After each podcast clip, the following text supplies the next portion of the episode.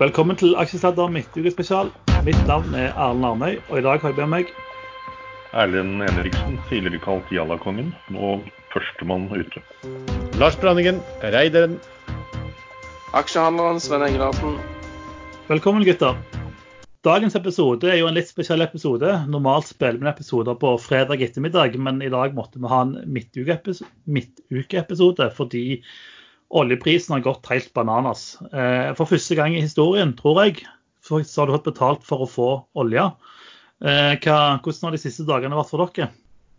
For meg er det som det har vært uh, lenge, egentlig siden januar. Jeg er ute av markedet, tar noen klipp innimellom, og det er fremdeles Softox-aksjen Soft som jeg jobber med.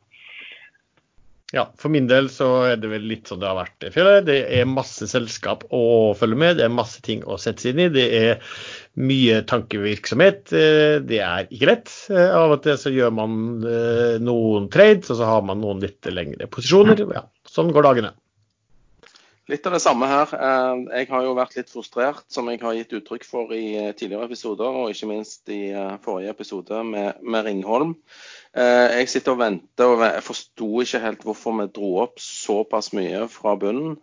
Jeg venta egentlig at det skulle snu ned litt tidligere, men det ser ikke ut som ting ville snu før f.eks. olja nå gikk rett i toalettet. Så ting henger tydeligvis sammen med, med ting.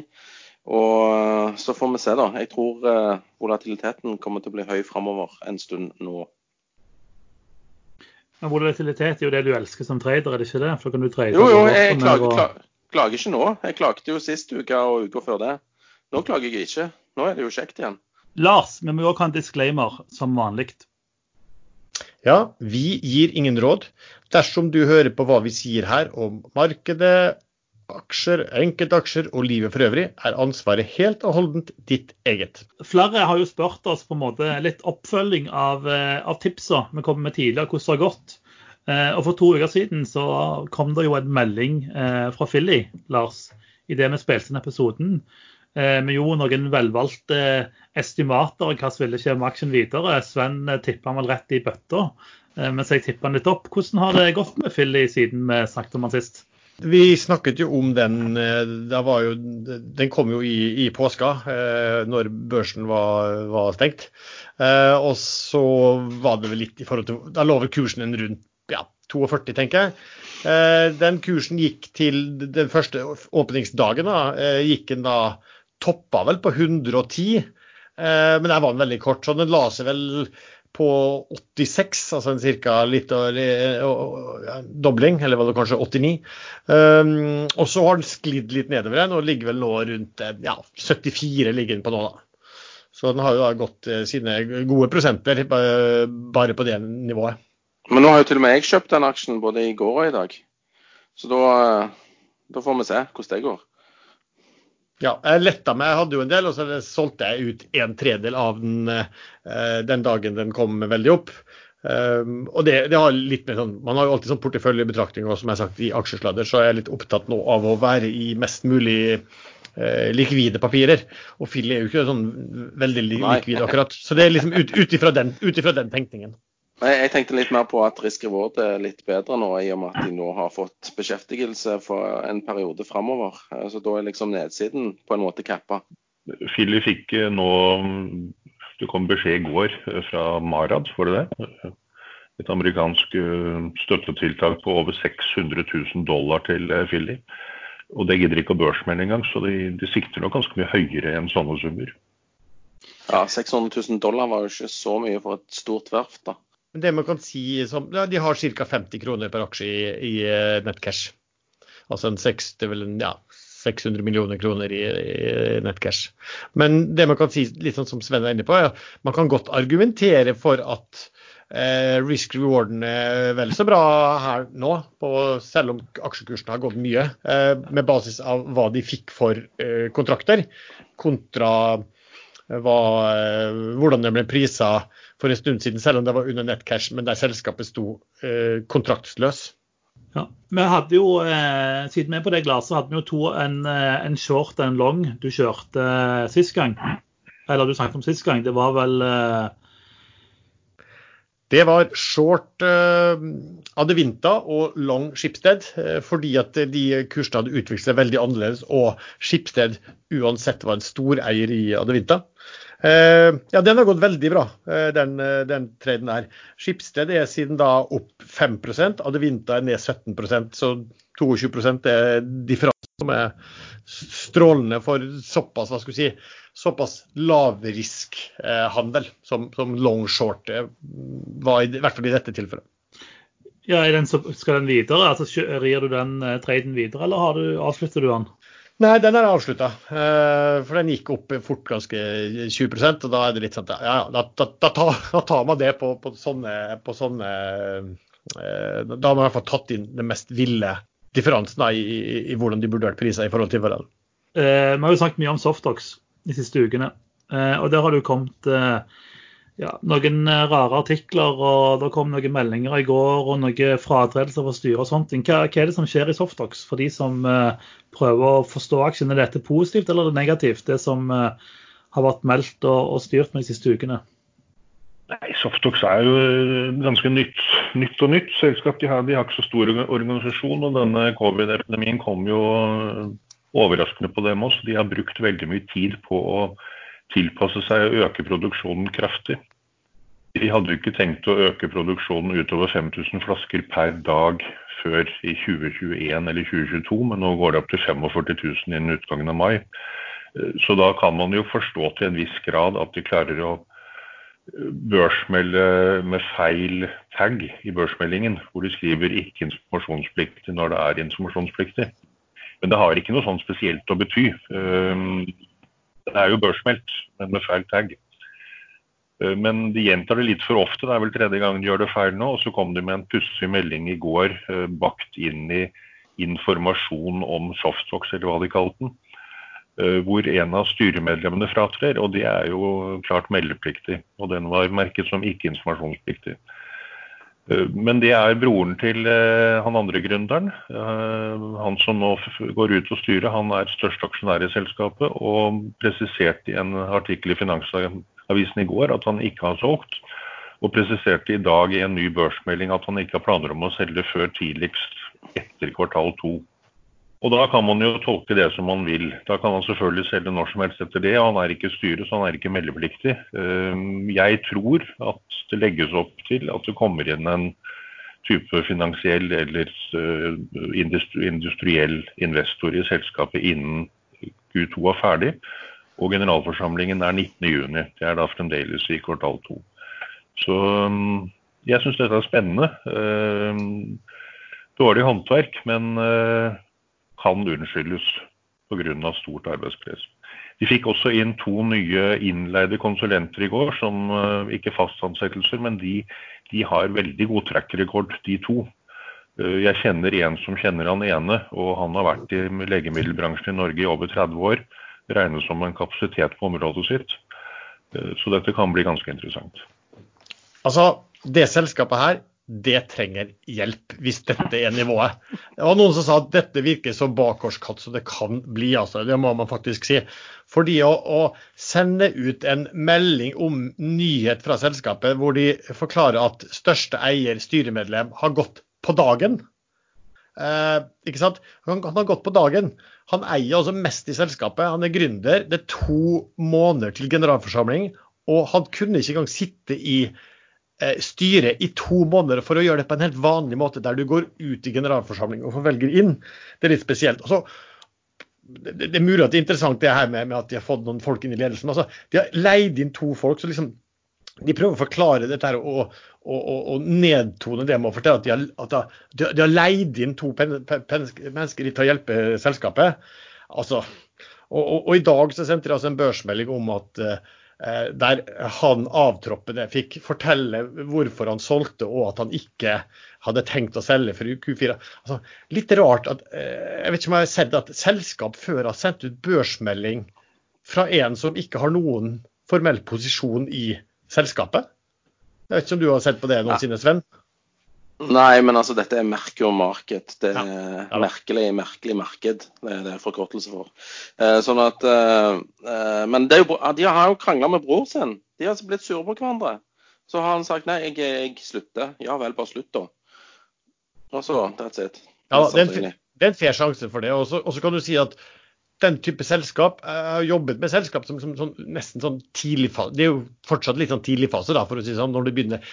Og det er klart at det som har truffet frem på etterspørselssiden sannsynligvis, har vel gjort at de har hatt mer enn nok å stå med for en liten organisasjon. Eh, så da kan man gjøre ganske, sikkert gjøre ganske mye rart hvis man er litt urutinert på området. Eh, men det var derfor jeg sa at disse eh, trenger faktisk hjelp. De har faktisk hatt to meglerhus som har løpt ut etter penger for dem, som burde kunne fortelle dem liksom, hvordan du håndterer ting på en, eh, på en børs. da. Litt mer jo, Kanskje de meglerhusene ble litt småsure fordi de ikke skal hente inn penger?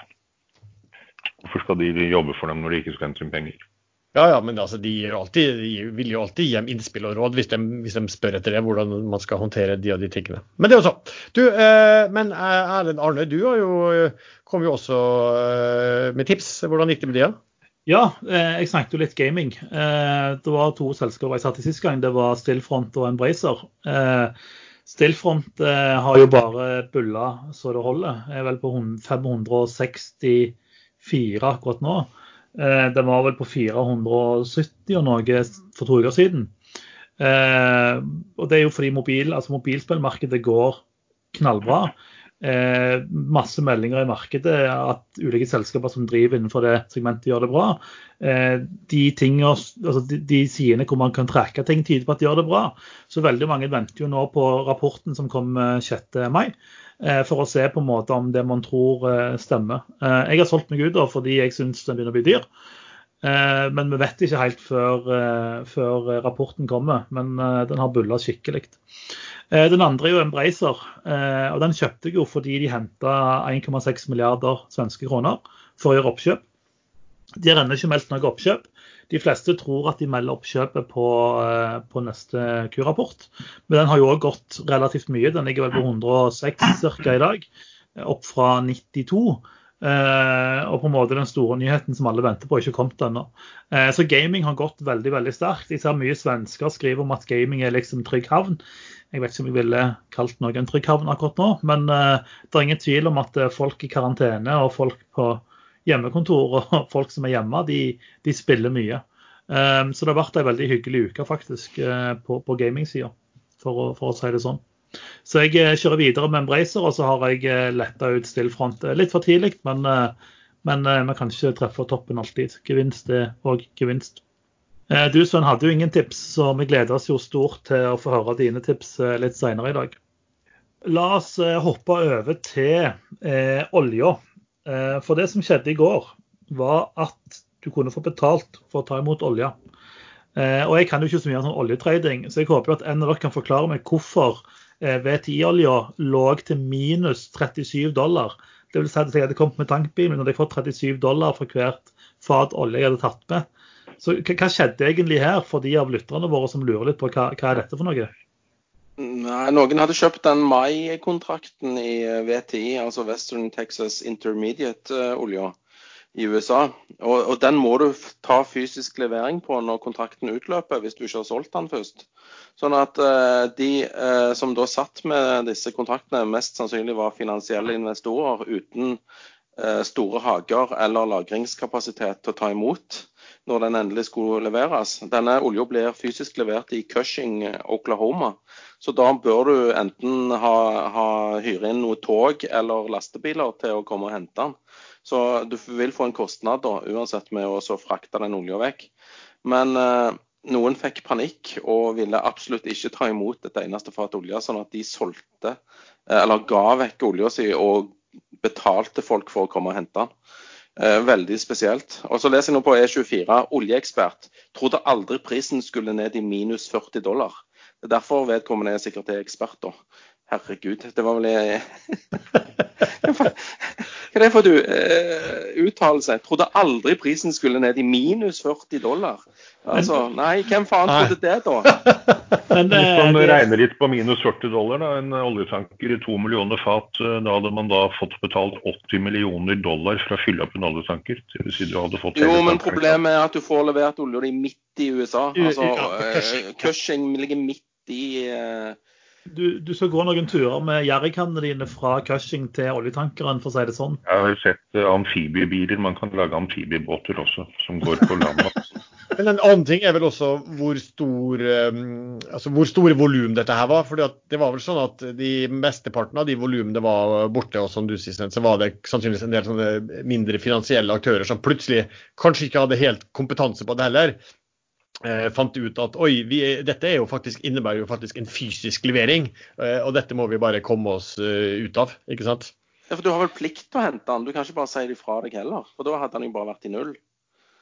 Det er ikke sant, Den eneste forklaringen til at det går på minus, at, at du har faktisk en, en, en, en altså plikt til å, til å motta, til, til å motta varene i Cushing, Oklahoma. Jeg, jeg skulle til å si at Dette lukter jo en, en shortskvis, men det er jo ikke en short, men det er jo litt av det samme. Noen uh, realiteten gikk opp for noen. Uh, en long squeeze? En long squeeze, rett og slett. en fysisk skvis.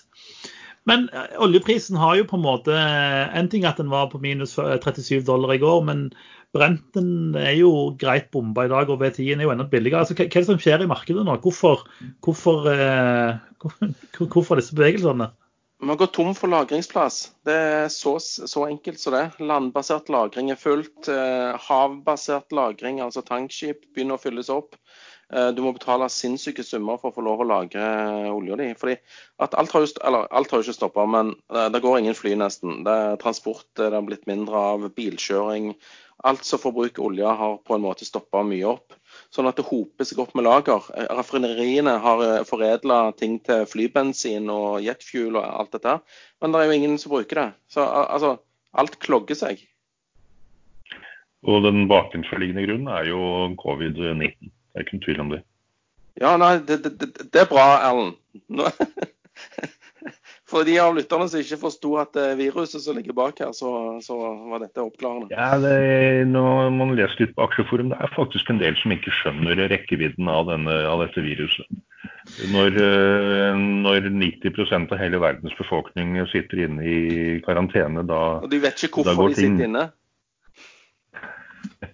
Jo, det er for å stoppe smittespredningen. Ehm, men det er, det er, mange i markedet som ikke skjønner dette. her. Jeg har sett folk diskutere eh, hva skal jeg putte 50 000 kroner inn i nå. Og det kom i akkurat de samme rådene som kom i eh, november i fjor. Og da svarer du? Ingen, nei, da orker jeg ikke å svare engang. Da, da, er de, da er de på en annen planet. Jeg ville sagt peisen. Ja, men, men altså er det så det er Alt jo av pris, da for å si det sånn. Så du kan jo fort si det samme som du sa i november hvis eh, aksjeprisen har falt 30-40 eh, altså det, blir sånn til enhver tid. Jo, men sånn de argumenterer med at kvartal Q1-tallene var så bra, så oh, ja. da kan man gå inn sånn og sånn på de og de parametrene. Men alle ja, ja. vet jo at Q2 og Q3-tallene kommer til å bli helt forferdelige. Ja, ja, ja det, helt, det, det, skjønner, det, skjønner, jeg. er helt enig. Altså, Q1 er jo egentlig bare å eh, nesten bortsett fra Du kan, bortsett fra, du, du kan kanskje håpe at det er en indikasjon på hva selskapet vil levere når man en gang kommer tilbake til eh, normalitet. Da. Men vi var på lagring av olje. Eh, ja. Jeg hadde kommet med ja. min betraktning. Så Lars, eh, hvis du kunne fortsatt. Nei, altså det er jo ikke så mye annet å si enn akkurat det du, du, du sa. da. Så det, er, det, er, det er stor eh, det, det, er altfor stort tilbud i forhold til hva etterspørselen er. Landet ligger lukka. altså Jeg så noe sånn var det, var det Spania det kom noe fra i dag, som hadde noen sånn sammenligning, hadde noe statistikk fra samme dag året før eller et eller annet sånt. og var ned liksom, virket som det var ned sånn 60 i, i uh, forbruket sitt. Så klart, Man snakker jo om at det er et overtilbud på hva, hva vi har snakka mellom 25 til 30 millioner fat per dag. Og så har ja, det, det klarer du ikke å kutte vekk, liksom, uansett. Så, nei, altså de, de kuttene gjelder jo først fra mai også. Ikke sant? Ja. Gjelder først fra mai. Og så er det jo spekulasjoner på at hvor lett er det altså Det, det, er, ikke, det er, ikke, alle typer vel, øh, oljeproduksjon som er så lett å kutte over natta. Så kanskje det tar litt tid å, å, å kutte også. Men det er klart når oljeprisen begynner å nærme seg sånn fysisk den fysiske prisen begynner tydeligvis å bli ganske annerledes fra øh, si, den papirbaserte. Ehm, da er det jo sånn at på et nivå her så må man jo øh, stenge ned produksjonen sin. Eh, ikke sant, når du, når du ja, får så Der er det også store forskjeller. Det er vel ikke så vanskelig å stenge ned i Nordsjøen, men å stenge shale har vel vist seg at det ødelegger brønnene, så man må bore nye brønner, hvis jeg har forstått det riktig? Jeg tror, jeg, tror, jeg tror, det er omvendt, faktisk. Jeg tror det er verre å stenge ned i Nordsjøen. Fordi det er større, større dybder og, og, sånne ting. Ja, jeg så også at Russland var vel et sted også hvor det ble betegna som vanskelig, altså litt sånn ødeleggende for reservoaret å måtte stenge ned. Shale er jo faktisk litt spesielt. Altså, hele hensikten når, når Shale kom, så var jo at Shale skulle bli svingprodusenten. ikke sant? For at de kan stoppe ganske rart. De kan droppe å bore nye brønner, og i så måte så vil det begynne å falle fort. Eh, men eh, så, det er jo litt sånn morsomt å se da, at, at eh, hele altså, amerikanske da, oljeprodusentene de skriker nå mot Saudi-Arabia og Russland alle, at, at, de må kutte noe voldsomt. Mens Shale i utgangspunktet var noen ting som skulle være en svingprodusent, hvor de kan sette i gang når prisen er bra, og kutte fort når prisen er dårlig. Men det har jo tydeligvis ikke, i hvert fall ikke med de eierne som er der nå, har vist seg å stemme i det hele tatt. Så kan man jo håpe da kanskje at eller En del vil håpe da selvfølgelig at, at eh, de store oljeselskapene er kanskje de som vil ta over mer og mer av disse Shell-feltene, og, og, kanskje drive på den måten her som vil være bra for alle i, aktørene i, i, i oljebransjen. Men Problemet til Shale er vel det at de har for mye lån. Altså Hvis de stopper, stopper olje, så stopper cashen, og da stopper alt. Eller hva tenker dere om den teorien? Altså De har ikke råd til å stoppe. Altså En ting er at de fysisk kan stoppe, altså, de kan fysisk være en svingprodusent, men eh, pga. belåning og, og, forpliktelser så har de ikke råd til å stoppe. Ja, men det er faktisk bedre for dem å stoppe enn å måtte betale 37 dollar fatet for å bli kvitt olja si. Ja, det nå, nå, er man jo der, men altså Ja, nei, jeg vet ikke. De altså- begynte for sent. Eh, de skulle ha redusert lenge før. Da hadde de kanskje sluppet unna de problemene de har nå. Men, men, du er inne på det. De måtte ha høy cashflow for å overleve. Og at, at, mange nå kommer til å konke, eh, forsvinne, det er jo sikkert. Men shalen forsvinner jo ikke. Her kommer jo Majors inn og plukker opp uh, feltene som uh, i disse konkursbehandlingene, chapter 11-sakene. Mm. Men, eh, men altså når, når, vi kommer til 1. mai, som er da om uh, ni dager, ikke ti dager, eh, vil de kutte og hjelpe noe i det hele tatt? Fordi altså, det er jo så ekstrem overproduksjon. Eh, og når, når, på en måte en uheldig megler eller spekulant betaler 40 dollar fat for å bli kvitt olja, så det er jo helt tydelig at det er olje overalt. Så vil disse kuttene hjelpe noe, tror dere? Ja, de vil hjelpe litt eh, etter hvert som ting har begynt å stenge ned. Altså eh, når produksjonen eh, opphører rundt forbi, så vil disse kuttene i til, altså, komme i tillegg. Og da vil du komme fortere tilbake til et likevektsnivå i markedet enn hvis det ikke var disse kuttene. Men hvor lang tid kan det ta, da? Kvarter? Nei, det kommer til å ta ti. Altså ja, for De kutter jo ikke 30 millioner fat, de kutter vel 10? Ja, eller 15 eller 19 eller 7, 8. Det, det er veldig eh, sprikende estimater på hvor mye de faktisk kutter. Men hadde de ikke kutta, så hadde de jo akkurat det gapet der tatt litt lengre tid å, å, å, å dekke. Sånn at eh, vi kommer tilbake til en likevektspris en eller annen gang. Men eh, neppe før eh, ting er tilbake i normal drift rundt forbi. Og det kommer til å ta litt tid. Men eh, for de som så pressekonferansen med Donald Trump i går, som da kommenterte rundt eh, oljeprisfallet. Eh, det var en spesiell seanse. Han virket ikke spesielt opprørt. Han smilte til og med da han sa at nå kunne de fylle opp oljelagrene sine gjøre, få betalt for å gjøre det. Hva hvis Trump egentlig ikke bryr seg om at alle disse små oljeselskapene konker? Kanskje han har sine gode venner i Old Majors som kommer til å overtale dette. Det der er det faktisk det mest modne og, og reflekterte jeg noensinne har sett av Donald Trump. Han fortalte litt hvordan det hang sammen. Litt sånn som oss i dag, må man rullere i kontrakter, og her ble finansielle skviset. Sa at man fikk se framover, og så ble han liksom forsøkt på å ja, Journalisten fridde litt om at nå burde gå til hardere til verks mot Saudi-Arabia og Russland, og at de måtte kutte mer og sånn. Og så sa han bare at ja, altså dette er et marked, og her har vi for mye tilbud. Og, uh, ja, det, og det er både opp til dem, men også oss her hjemme, sånn, å gjøre noen ting med. Så han, han syntes han var, var, veldig moderat på det. Det er jo veldig mange arbeidsplasser der, spesielt sånn i i Texas f.eks. Og jeg tror nok at hvis Major slår kloa i, i mye av shale, så tror jeg vel at det vil bli en del færre arbeidsplasser for å si det sånn. jo, tror... men det er jo uh, realøkonomien. Sånn er det bare. Den produseres så mye, så må, så må noen kutte.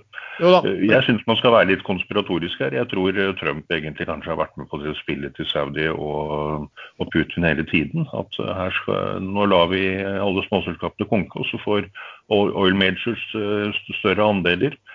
Uh, og Der kom det et, uh, en kommentar på Ekstrainvestor i går. Uh, han skrev at kanskje Saudi-Arabia som kjøpte seg inn i oil majors her for et par uker siden, gjorde det nettopp for å få en andel av shale oil når de store overtar. Ja, for Saudi har vel kjøpt seg inn i Equinor òg, hadde ikke det? Fant vi ut om for noen dager siden. Equinor, Total, Shell, husker ikke hvem det fjerde var. Men det betyr vel at eh, det, altså, kjøper de seg inn kun fordi de tror at det er billig og det blir dyrere når olje kuttes, eller tror de de har noen mer tanker bak det? Ja, hvis den teorien stemmer, så er det jo en langsiktig tenking. Da skal de mm, eie mer av verdens oljeproduksjon framover, ikke kun sin egen. Jeg synes, men jeg syns hele den investeringen virker, virker veldig rar. Eh, altså, De er så eksponert mot eh, olje, det landet der. Eh, har jo Saudi Aramco. Og så kjøper de seg inn i oljeselskapet. Altså, det er jo ikke noen veldig store andeler, og, og, det hjelper jo ikke de så veldig mye om de eier i, i Statoil. Altså, de får ikke noe stor beslutningsmyndighet over Statoil, eller Equinor, da, som det heter.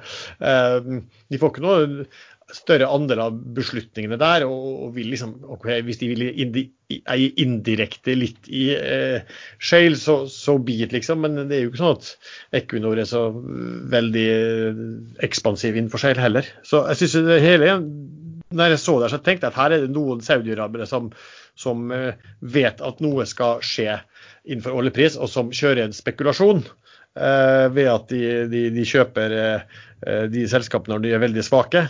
Eh, og vipper ut igjen når man gjør en oljekutt-deal. Jeg vet ikke om det har spilt seg ut på den måten. Jeg har ikke, har ikke sett det stått noe om det. Men jeg, men jeg sliter sånn med å skjønne hva, hva de langsiktig skal, skal, ha å vinne på å eie en mindre del av uh, de selskapene. Jeg vet egentlig ikke jeg heller, men det virker jo rart. De virker jo noe oljeavhengige der nede. Hvis jeg vil gå long eller short olje, da, Altså, hva, hva, hva, kan jeg gjøre? Skal jeg kjøpe Equinor, liksom, og så er det min eksponering, eller fins det andre produkter? Nei, ikke gjør det. Ikke gjør det. OK, greit. Da noterer jeg det. Ikke kjøp oljeprodukter. Hilsen Søren. Nei, men altså, i hvert fall ikke gå bull, gange, nei, bull brent ganger ti, eller bull V10 ganger ti, liksom, og så bli knocka, sånn som så enkelte på, i panelet av og til gjør. Så, men, men altså er det noe du vil fortelle lytterne våre? det er farlig. Nei, det, var, det var ikke meg Svein snakket om. Nei, det var, det var, ikke det. Jeg var ikke Lars heller, og ikke meg sjøl heller. Så da kan dere jo prøve å regne dere fram til hvem det kan ha vært. Jeg har aldri men, kjøpt bull eller bær olje. Kjøpt... Nei, men du har jo kjøpt bull eller bær andre sånne driver. Ja, men de var ikke ganger, de var ikke ganger 10. De var jo ganger 20. 65. Italia ganger. Nei, men eh, du må gå for eh, exchange traded funds eller eh, exchange traded notes, ETN-er eller ETF-er. Eh, for å få en, en billig eks, eh, eksponering. Og du kan velge bull eller bær. Men eh, tenk dere litt om før dere gjør det. fordi at du, du kan, Tar du feil, så taper du mye. Ja, den, den som mange handler, i hvert fall i USA, den er vel den det er vel en US Uso. Oil, USO, US Oil, Usoen, eh, som da så i går sånn falt sju dager på rad. Eh, og den er litt spesiell, for den, den, den begynner å dekke Den, den har altså økt altså det, det, er jo et uh, electronic uh, tradable funds, fund, ikke sant? Og ja. den har økt jeg tror, altså Pengene som er dyttet inn i det fondet på en måte for å, for å kjøpe seg Olje Futures, har um, doblet seg på ikke mange ukene. Også, ja, og, og, og Enkelte hevder jo at de satt på 25% av VTI-kontraktene som utløp i går, og at det da var de som da eh, bare kvitta de for å Altså, De er et elektronisk tradet fond. Tror ikke de heller har mye plass i hagen sin, for å si det sånn. Men, men, men de, har, de, har, jo også en sånn at de, skal, de må hele tiden, siden de ikke vil, eh, vil, eller kan ta imot fysisk levering av olje, så må de også hele tida rullere altså Det er jo, det er jo VTI-en som, de, som det fondet spekulerer i eller har posisjoner i, og så må de rullere hele tiden da, til neste uh, måned. Og når oljeprisen er i uh, kontango, så blir det vel litt sånn verdilekkasje på det fondet hver gang det rulleres. Ja, for det er jo et gap mellom førsteposisjon og, og spot. Ja, for det, for det er jo litt sånn sånn hele tiden. Korrekt. For når vi, når, vi, snakker liksom om, om hva, hva, oljeprisen ligger i, og man snakker om spot og man snakker om den der, liksom, småperverse prisen i går, så er, så er, jo prisen på da neste måned, når, når, man rullerer til neste måned, det ligger jo da betydelig høyere. Og, jeg vil ikke kalle det normal... Nei, Neste måned er jo allerede i gang, og nå er vi tiden på 1570 1578. Han er opp 175 000 fra i går. Og det er ikke tull engang.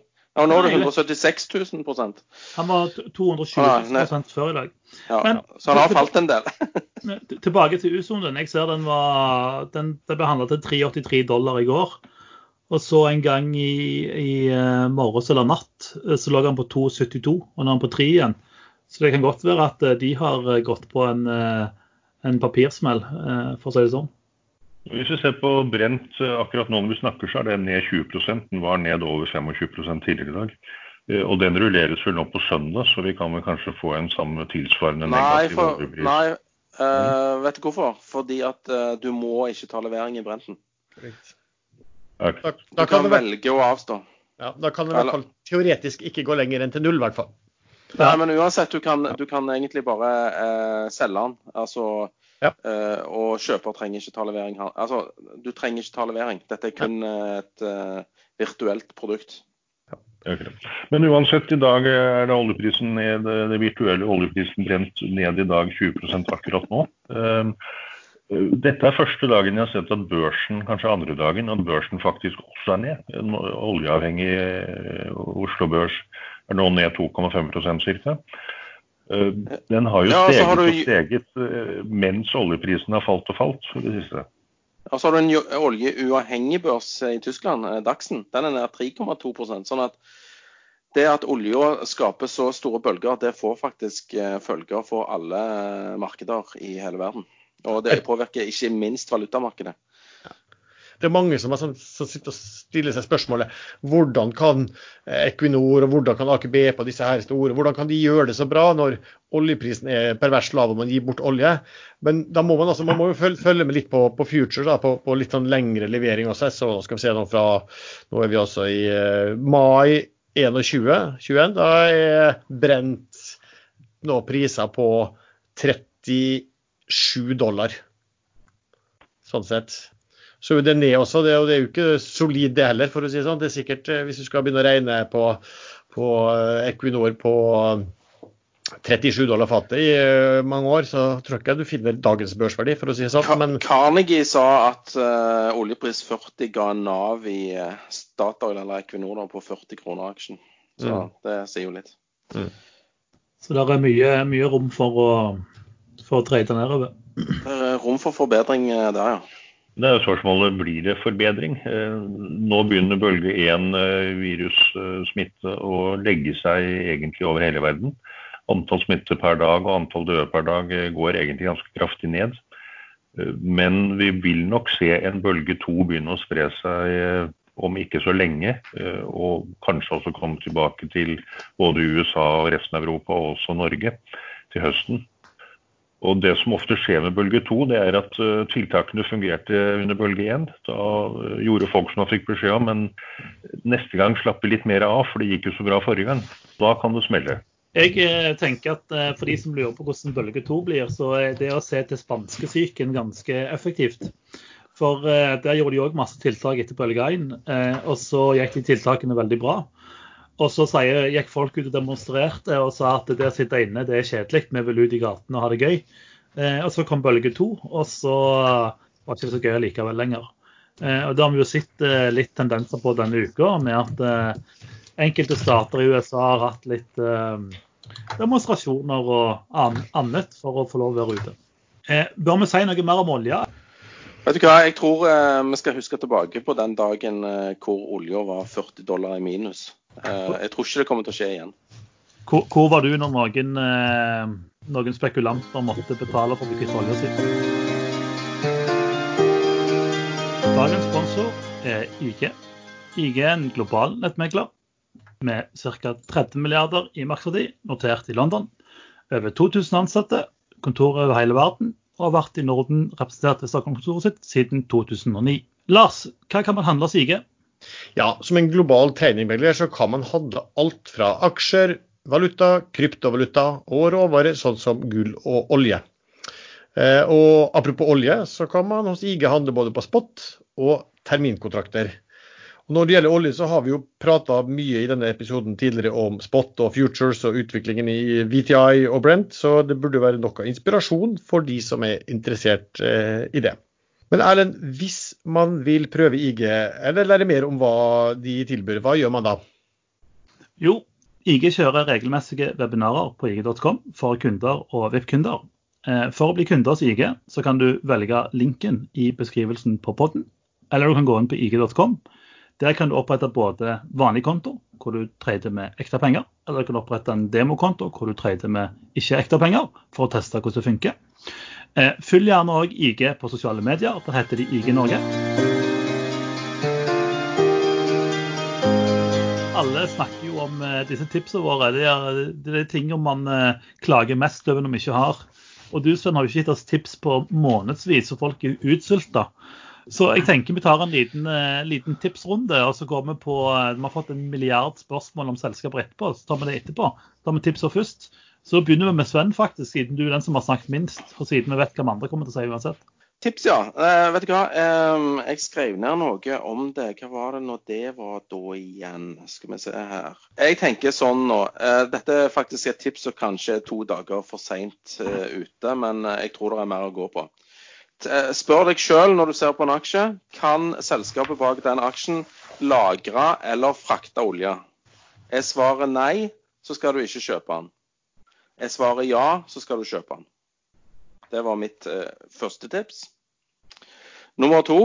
Jeg har eh, shorta en aksje som heter Bouvet. Det er et fransk eiendomsselskap eh, notert på Oslo Børs som driver med IT. Eh, og har masse IT-konsulenter rundt omkring. Eh, halvparten er offentlige kunder, halvparten er private kunder. 28 eh, 28 pluss er innen oljenæringen. Eh, Største kundene er Equinor, etterfulgt av Aker BP. Og ifølge onde tunger så eh, har eh, oljeselskapene nå kutta kraftig ned på eh, spending når det gjelder digitalisering. Så jeg tror de kommer til å miste opp mot 30-40% av omsetningen sin ganske kjapt. Og var heldige at den aksjen henta seg inn fra ca. 300 til 430 her. Eh, Så jeg shorta den for to dager siden og i går eh, på rundt 425 til 420. Nå er han på 398. Jeg vet ikke hvor langt ned han skal, men eh, jeg tror han har litt mer nedside. I tillegg så er jeg short Sats. Det er jo på rundt 18,5.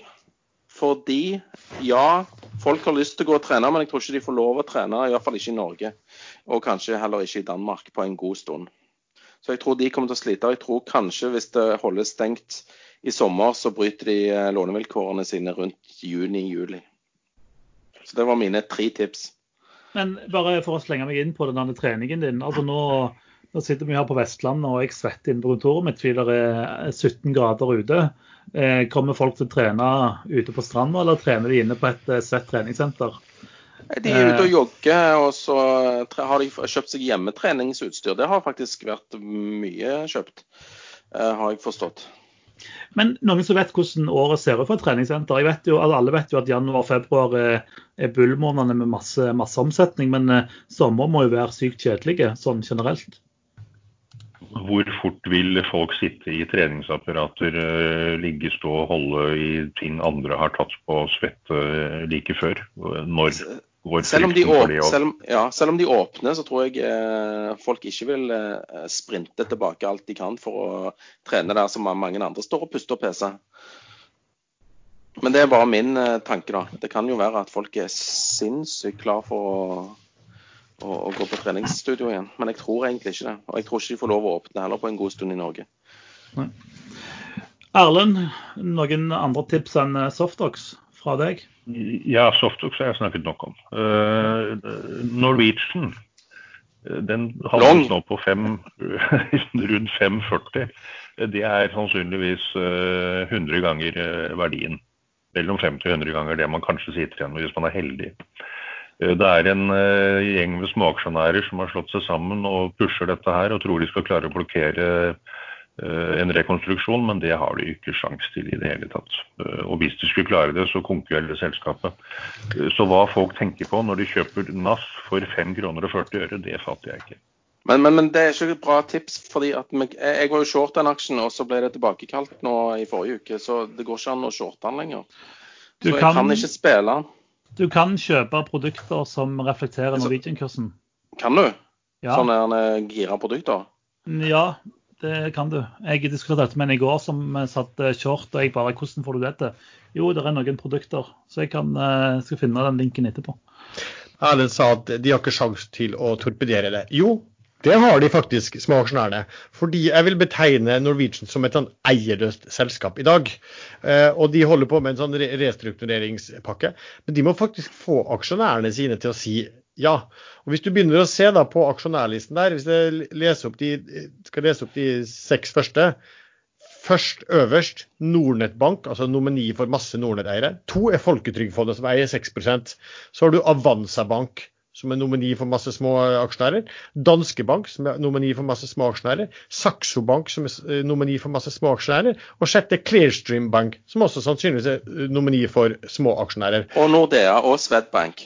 Og Nordea og Swedbank. Sånn at dette selskapet her er nesten ikke altså Det, det er Folketrygdfondet som eier 6% og resten er spredt på små aksjonærer. Og det er klart at Så ja, du må også inn i en generalforsamling skal du få en sånn restrukturering hvor du omgjør, eh, omgjør gjeld til egenkapital. Du må vel ha to tredjedels flertall? Ja, eh, men for... Eh, Lars, får man stemt for aksjene som man har via Nordnett? Ja, de har eh, Det vil si, eh, hvis det er zero, på zerokonto får de ikke stemt.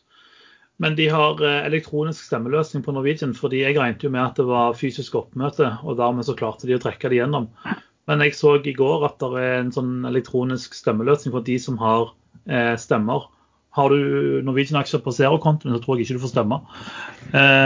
Så jeg tror nok de klarer å torpedere den hvis de må ha to tredjedelers flertall for å få den igjennom. Eh, det er faktisk en, en distinkt mulighet for at uh, hvis man tenker at to helvete altså vi, vi, vi gambler eh, null eller en, del mer enn hva vi ser ut til å få, så, uh, så går vi for det og stemmer ned et forslag. Og det, det, kan godt være at de klarer da å det har jo skjedd før det at, at aksjonærene ved, ved, å true med en sånn har fått en, en, bedre deal enn hva de ellers ville fått. Men om de får en da, hvis det, om det skjer, at det skjer at de får en så bra deal som at uh, aksjen i dag skal bli verdt like mye som aksjen, aksjekursen er på børsen i dag, uh, ja, det, det, kan man jo være litt tvilende til. Det kan man være veldig i tvil om. Jeg har et lite innspill når det gjelder Norwegian. For jeg så noe som var merkelig i dag. Hvis dere ser på, eller Lars, hvis du ser på aksjonærlisten eh, som du nettopp leste fra, mm. så ser du Folketrygdfondet nummer to der. Mm. Og de har da økt med 505 000 aksjer. Ja. Kan det være for at de ser nå at vi må ha mer aksjer for å kunne stemme dette gjennom? Ja, altså jeg tenker Eller, jeg tenker at enten, enten, de, enten, gjør de det, eller så har de lånt ut aksjer. Jeg, jeg sliter med å tro at Folketrygdfondet kjøper aksjer i Norwegian ut fra sånn fundamentale betraktninger. Så det, ja, så det kan jo være en slags hjelp til å få dette eh, gjennom. Jeg vet ikke hvordan de sitter. Også. Eller ja, de kan være at de har tilbakekalt aksjene sine og derfor har økt. Ja, det er vel heller det det går i. Ja. Ja, da, ja da. Så jeg syns det var merkelig at de hadde økt med 505 000. Hvor mye, hvor, mye, hvor, mye, aksjer har de på lista du har, Lars? Folketrygdfondet?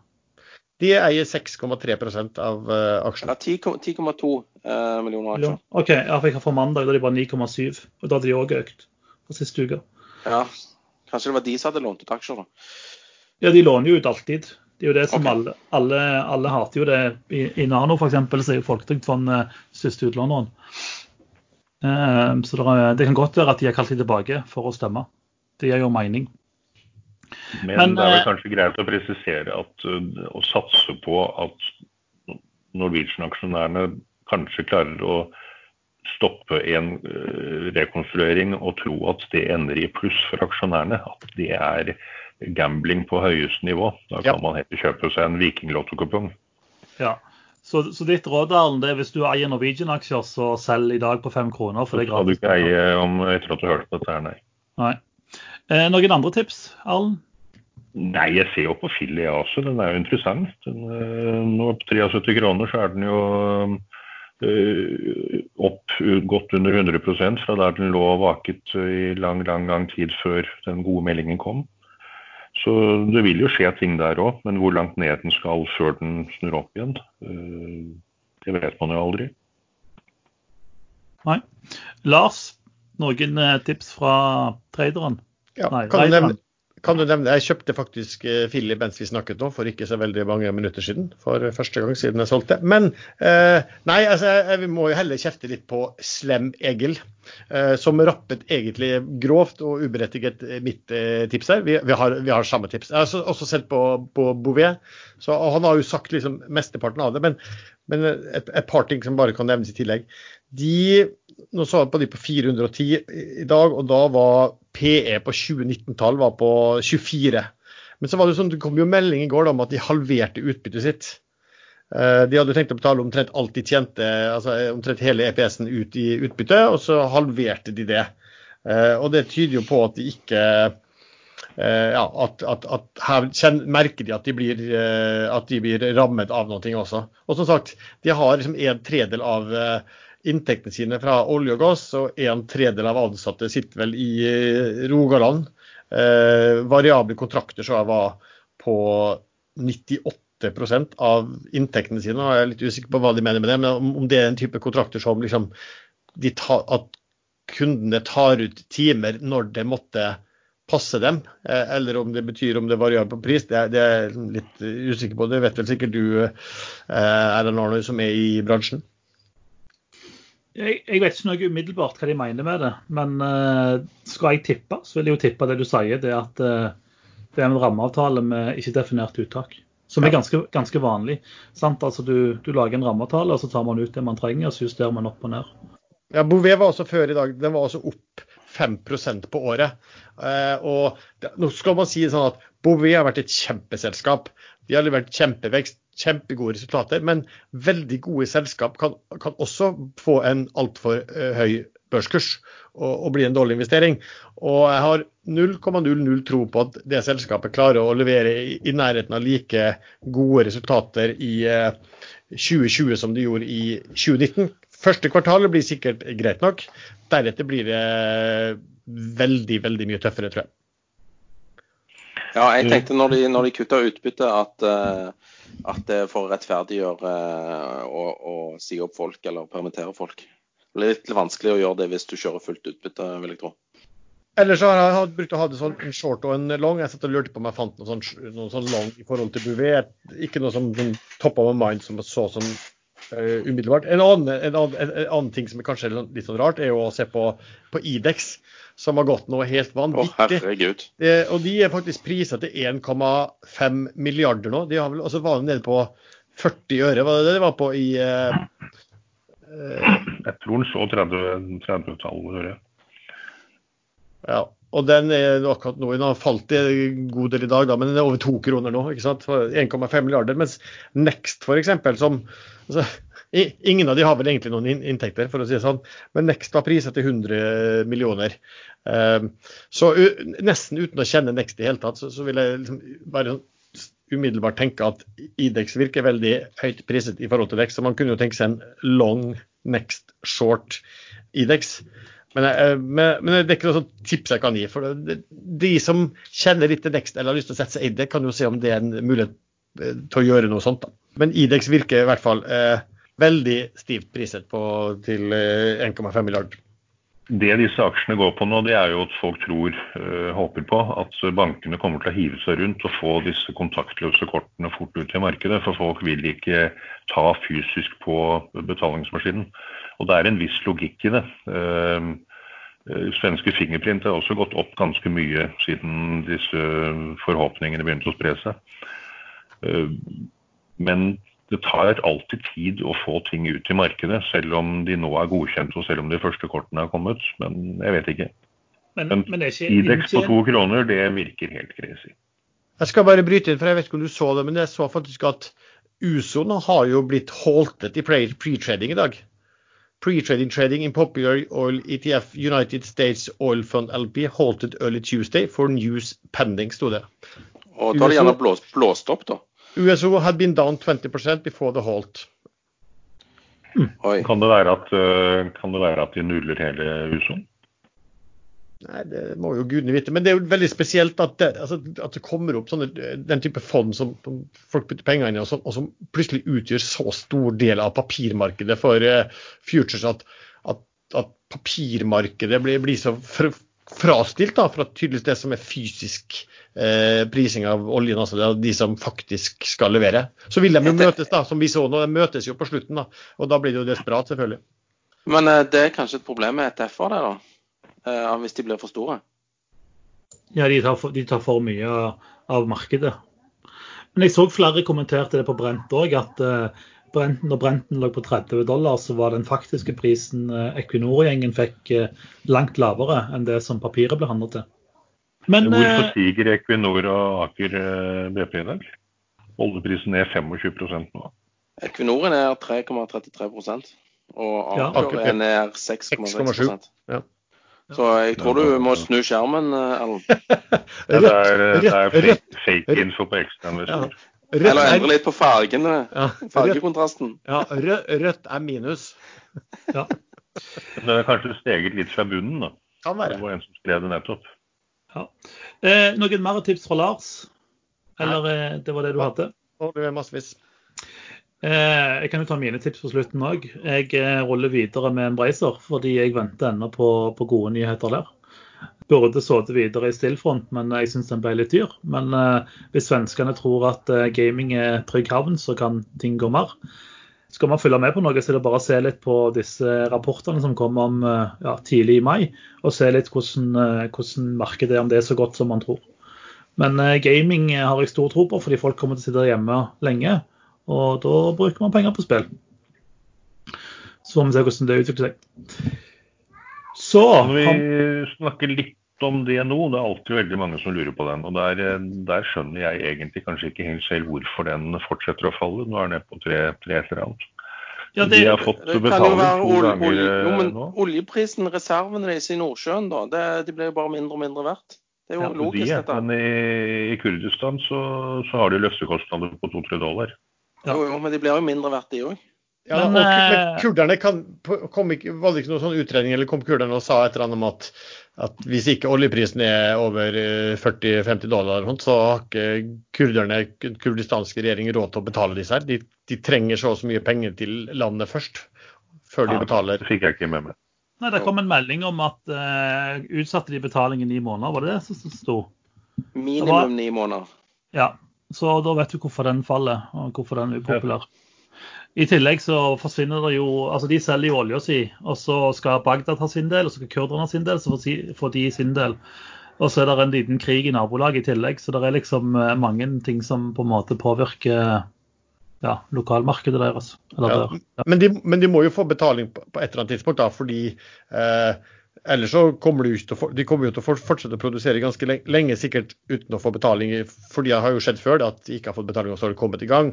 Ja. Eh, men på et eller annet tidspunkt da, så, så, så, må, så, må, det jo stoppe opp. Men det kan jo kanskje ta, ta lang tid. Og, og det, virker, altså, Kurdistan, det virker som de har en, en, en, innstilling som gjør at de vil gjøre opp for seg. Eh, ja. Så vi får bare, det avhenger av oljeprisen, selvfølgelig. Som alt. Lars, eh, ekstrainvestor, som da vi er en del av, har jo et nytt produkt på gang. Eh, vil du snakke litt mer om det? Ja, det kan jeg. Vi har jo hatt et uh, nyhetsbrev som heter Børsekstra. Som blir sendt ut daglig til ca. 10 000 eh, abonnenter i Norge. Har vært veldig populær, veldig høy åpningsfrekvens. Uh, vi kommer nå til å skille litt på når det mottas. Vi ser, har jo sett at aksjekurser ofte reagerer straks etter utsendelse av Børsekstra, og media har også brukt rapporten på å forklare kursendringer. Men samtidig er det jo slik at det koster jo å lage og sende ut en slik rapport for oss. Så nå gjør vi det slik at hvis du vil motta rapporten om morgenen som vanlig, så kan du fortsette med det ved enten å sende 99 kroner per måned, alternativ 999 kroner for et helt år, til VIPS nummer 603355 eller ved å innbetale beløpet til konto 6039 05 83 748 som en donasjon. Husk å skrive inn din e-mailadresse ved innbetalinger. Hvis du ikke ønsker å donere og bli Børsekstra premium-mottaker, så vil du fortsatt motta Børsekstra, men en del senere enn de andre, da rundt klokken 15.00. ekstremt mye spørsmål om ulike selskaper, og vi har ikke sjanse å snakke om eh, 10% engang. Så jeg tenkte vi skulle eh, lage et nytt segment som vi kaller Bær eller bull. Eh, for lyttere kan vi, ikke, kan, vi ikke, kan vi ikke kalle det bull eller bær? Det høres bedre ut. Bull eller bær. Eller pass. Eh, eller pass. Eller pass. Bær eller bull eller pass. Eh, Nei, Kan vi ikke bare begynne med bull? Bull, bær eller pass? Bull, bær eller pass. Fordi at for, bull er liksom opp, og så bær ned og sånn. Yes, det var det jeg skulle fortelle for lyttere som ikke skjønner bull og bær. Hvis du er bull en aksje, så tror du han skal opp. Er du bær, tror du han skal ned. Og hvis du ikke har peiling, så er du pass. Kanskje vi skal begynne med pass, og så kan vi si bull eller bær. Ja. Pass er da hvis du ikke har peiling eller ikke vil si noe. Eh, så jeg tenker vi leser opp eh, masse selskaper. Vi kan begynne med DNO f.eks. Og så rekkefølgen da Erlend, Lars, Sven. Så sier DNO, Erlend, så sier du jeg sier bjell til alt. Jeg tror markedet skal eh, voldsomt ned. Så jeg kan heller bryte inn hvis, jeg, hvis, du nevner en aksje som jeg tror kanskje er pass eller bull. Men alt er bjell i mine øyne. Du sier ber hele tiden uansett, så da har du egentlig svart på alle spørsmål allerede. Men kanskje han bare får lov til det, da. Og så sier vi Softox midt inni. Så vi kan si da. Men eh, vi kan begynne med Scandic, da. Første selskap, Scandic. Lars? Scandic? Ja, Scandic. Sverige, liksom. Ja, ja, skal vi begynne med svenske aksjer? Da kan vi holde på i 24 timer. Lars har stilt spørsmål på Børsforum og aksjesladdergruppa vår.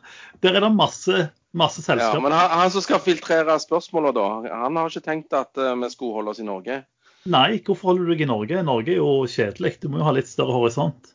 Ja, men vi ser aldri på de svenske. Nei, ikke sant, jeg har ikke peiling. Okay, vet du vet hva er verdt? Vet ingen, ja, ikke, det, ikke det hoteller? Ja, ja, det, er hoteller. Samuel. Det, det, er ingen som går på hotell nå. Jeg kommer ikke til å gjøre det på lenge. Bær. Ber. Nå, nå kan noen få inntrykk av at ikke vi har forberedt denne sendingen veldig godt, tror jeg. Første selskap er Hunter Group, horisont ut 2020. Jeg er ultrabær i alt, så jeg sier bare ber. Ferdig med det. Bull. Var det meg nå? Ja. Ja. Eh, og så var det Hunter. Ja. Støvler eller eh, tankskip? Tankskip. Mm, jeg tror faktisk de kan gjøre det bra. Og da er du Per definisjon bull, kanskje? Så bra. Jeg, eh, jeg har jo krangla mye med tankgutta, men sånn som markedet er akkurat i dag, med gratis olje, så er jeg faktisk bull hunter. Olav Tore eiendomsselskap horisont to til tre år. Lars, du får bare si fordi Erlend vil ikke si noe. Hmm. Kjøpesenter, du, og næringseiendom. Men hvis du, du snakker om to til tre år, da vil jeg si at det er bull. Sven? Uh, jeg må stille meg spørsmålet kan det frakte eller lagre olje. Nei, da er det bær. Jeg joiner Sven på bær. Jeg tror det er mye retail som får problemer, og jeg tror òg det er mye bedrifter som kommer til å si på permittere og trenger mindre plass. Aker BP, Bull eller Bær? Lars? Hmm, bear. Ja, på dagens kurs må jeg være enig og si bær. Jeg òg ber, eh, fordi toppsjefen har sagt han forventer billig olje ut 2020. Nell jo, men Der vil jeg følge til. Der kan jeg være litt bull, fordi de har nå uh, sjefen, uh, husker jeg ikke Eriksen, Nei, det er Aker. Gått ut, det er Aker, ja. Men jeg tror at denne covid-krisen vil medføre en voldsom satsing på renewables. Det er jeg ganske overbevist om. Men Aker BP også, ja. Ja, OK. Da, da, da er jeg bedre. Beklager. Eh, Nell. Nå kan du få lov å si noe, Arlen. Nell. Ull eller bær? Ull. Lars? Lang sikt. Bear. Sven? Bær pga. prisingen. Panoro Energy? Lars? Pass. Eh, kan de frakte eller lage olje? Nei, de kan kun produsere. Da er det bær. Pass. Idex har vi snakket om. Eh, Koa. Kongsberg Automotive. Oh. Lars? OA må altså hente inn et sted mellom 100 til 120 millioner euro eh, i altså, over en milliard kroner eh, i form av egenkapital og konvertibel.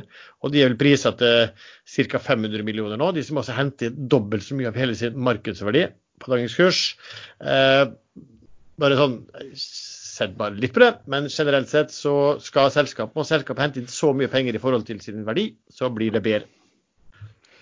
Jeg stoler på vår eh, gamle venn Thomas Nilsen, som eh, sa at uh, dette var å kaste penger i et sort hull. og Det har vi gjort før, og det funker ikke, så da blir det bedre. Det er òg bedre, uh, fordi vi har penger. Uh, Nano. Eh, ja, jeg kan si hva jeg mener etterpå, så jeg ikke ødelegger. Lars? Pass. Pass. Jeg er bær. Du skulle ha snakket snart, Erlend. Eh, av to grunner. Eh, de har slitt med å rekruttere pasienter eh, pga. covid. Og de er høy risiko, og de trenger helt sikkert påfyll av penger. Og påfyll av penger i dagens børsklima er ikke så enkelt. Derfor ber Erlend. Det er da det store spørsmålet. De hentet jo akkurat inn penger.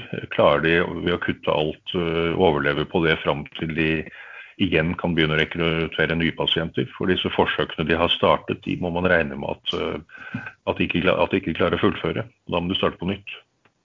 Er du bedre eller bull? Bull eller bær? Jeg vet ikke hvor mye penger de har, øh, Nei. jeg vet ikke om de klarer å overleve på det de har. Pass, med andre ord. Elkem.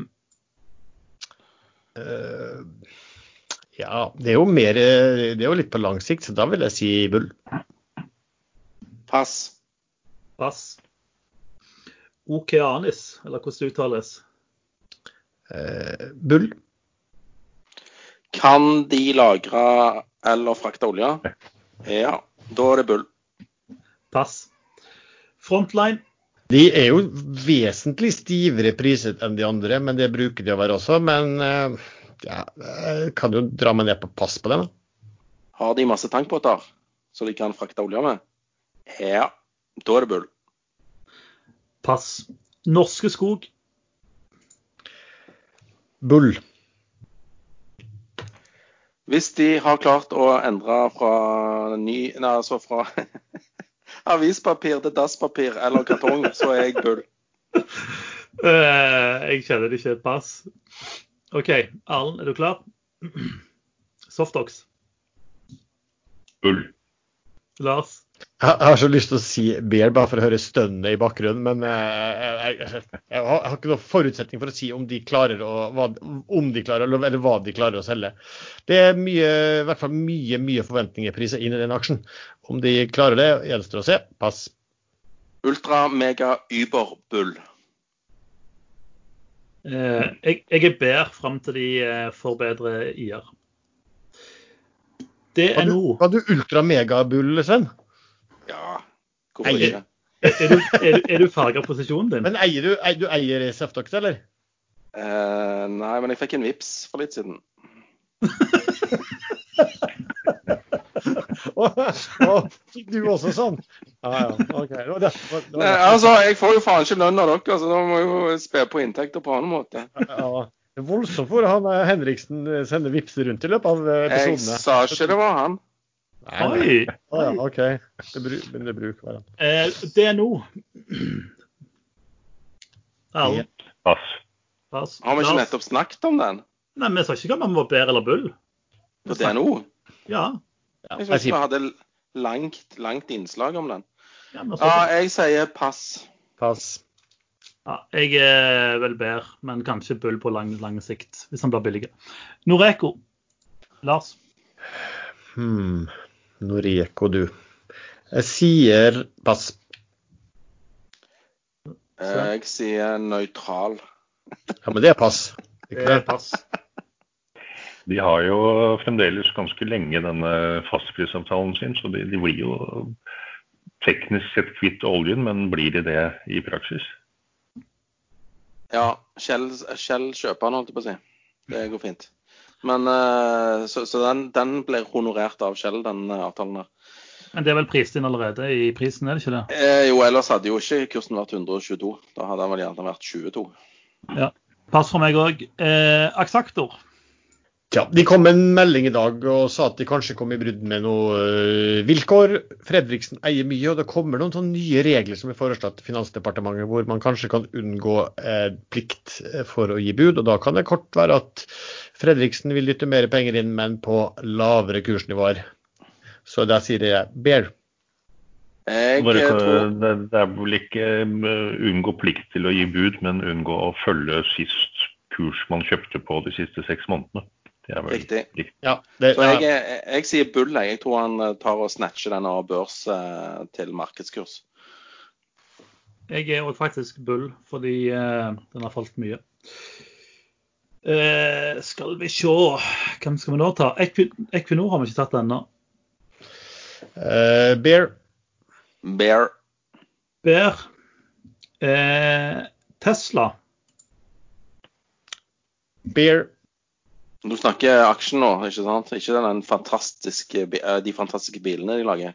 Ja, De som står mer på service enn de som kjøres, ja. De Ja, jeg, jeg. var- jeg var sjøl på service i går, men eh, Ja. det var faktisk en veldig fin eh, opplevelse. Ja. Så jeg er veldig bull selskapet, men jeg må dessverre være bedre aksjen. Da kan vi At er så mye, sykt mye her. Eh, Norsk Hydro. Eh, ja Kanskje man skal være litt eh, bull på den på litt sikt. Jeg vet jeg holdt på å jobbe på noen større salg av andeler, så jeg, selskapet. Si bull. Å ja, eh, hva, eh, nå holdt jeg på å tre deg. Hva var det dere sa? Sa dere? Norsk Hydro. Norsk Hubro. Hubro Det, ja. ja. Hybris. Hybris. Nei, er det aluminium? Det er aluminium. Kan du lagre olje i aluminiumstanker? Eh, ja, det kan du. Eh, da er jeg bull. Eller kan du det? Jeg vet ikke. Komplett, komplett bank, ja.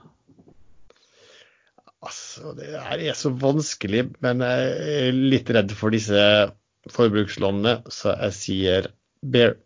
Jeg må si meg eh, enig med, med Lars der. Jeg tror eh, tapsmengden der blir for stor.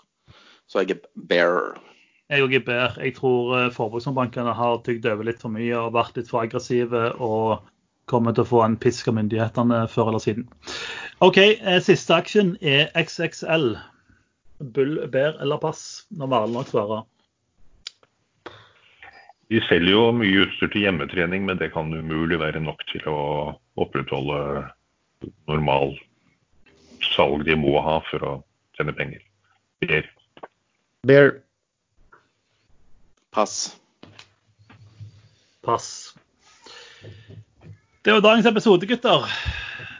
Hvordan funka det med Kan jeg få slenge inn en liten uh, svart svane, ellers så ville jo ikke jeg vært meg. Okay, jeg jeg tror at dette kommer til å gå ordentlig i dass. Hele markedet, all etterspørsel i verden, lenge. Eh, Det, er ikke noe, det kommer ikke vaksine i år. Folk må gjerne tro det. og det meldes stadig vekk at det kommer vaksine i år, men det gjør det ikke. Det er et år til, minst. Um, følgene av det vi har sett allerede, de kommer til å bli, så store at ringvirkningene blir uoverkommelige. Eh, Vi kommer til å få et veldig stort krakk, tror jeg. Eh, Det kommer til å treffe de aller fleste bransjer. Eh, Og da er det vanskelig å gå rundt nå og være bull på noe som helst. Og det man dessverre har sett i, opp i historien, det er at når det krakker for lenge for mange steder, for, da risikerer man konflikter, eh, væp- væpnede konflikter. Og da kan vi bare håpe på at det blir et langt stykke, godt stykke unna oss, og at det ikke involverer stormakter. Hyggelig slutt. Lars, Nei. du si noe, du? Ja, jeg, vil, jeg, ville, ba- jeg ville bare ha en liksom, liten påpekning på det vi har sagt om bull, bear og pass. For det er vel helt sikkert det er mange her som har sendt det der som kan veldig mye om de selskapene. og mye mer enn oss. Og som sikkert kommer til å fnyse og sende oss sinte mail og kommentarer om vi lite vi vet. Og det er helt riktig. For det er ingen av oss som driver et fond, et bredt fond der vi skal eie masse aksjer. Vi ser på enkeltaksjer, gjerne. Kan vi vi ser på indekser, men vi er opptatt av, veldig opptatt av enkeltaksjer som vi lærer oss å, gi, å, å bry oss om. Andre ser vi et gløtt på. Du rekker ikke å se på alle. Andre ser du et bare kort på å registrere. Vil du fortsette å se nærmere på den eller ikke. Så Det betyr per definisjon at veldig mye av det vi sier Bull, Bear og Pass, i hvert fall for min del, eh, er selskap som jeg egentlig ikke vet særlig om, for å være ærlig. Nei, og om fem minutter så kan jeg ha snudd 180 grader i, min eh, i, på mitt tips. Så eh, ikke, ikke bruk disse Bull, Bear eller Pass som noen form for investeringsrådgivning. Vær så snill. Bull, Bear og pass er mer som en, eh, en del av et moroinnslag. Eh, Diggen-tips. Eh, aldri hør på det vi sier, og følg eh, disclaimer vår. Hvis du vil eh, diskutere aksjene vi har snakket om, eh, så har vi ei gruppe på Ekstrainvestor, Aksjesladder. Vi har òg ei gruppe på Facebook, eh, podkasten Aksjesladder. Og vi har eh, med ofte på gruppa Børsforum på Facebook.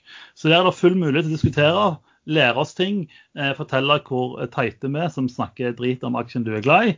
Men vi er alltid glade i å lære mer. Så en viktig ting eh, til dere som hører på. Gå gjerne inn og gi oss fem stjerner på Apple Podcast og alle disse greiene her. Eh, vi fikk nemlig ei stjerne her om dagen. Eh, de mente at det hørtes ut som vi var på telefon, og at vi ikke hadde manus. Eh, Erlend, hvor ringer du inn fra? Jeg ringer fra hjemmekontor via PC. Bluetooth på øret. Ja. Men det er, helt, det er, jo helt, riktig det han sier, at vi ringer fra telefonen og ikke har manus. Det er korrekt. Så for å veie opp i denne litt sure fanen, så må alle inn gi fem stjerner. Det blir vi veldig glad for. Ja, vi er litt, vi litt podkastenes uh, svar på Waynes World, uh, for de som husker den. Ja. Party on, Wayne. Ellers eh, ønsker vi alle en fortsatt god uke, og så snakkes vi kanskje på lørdag med den vanlige episoden vår.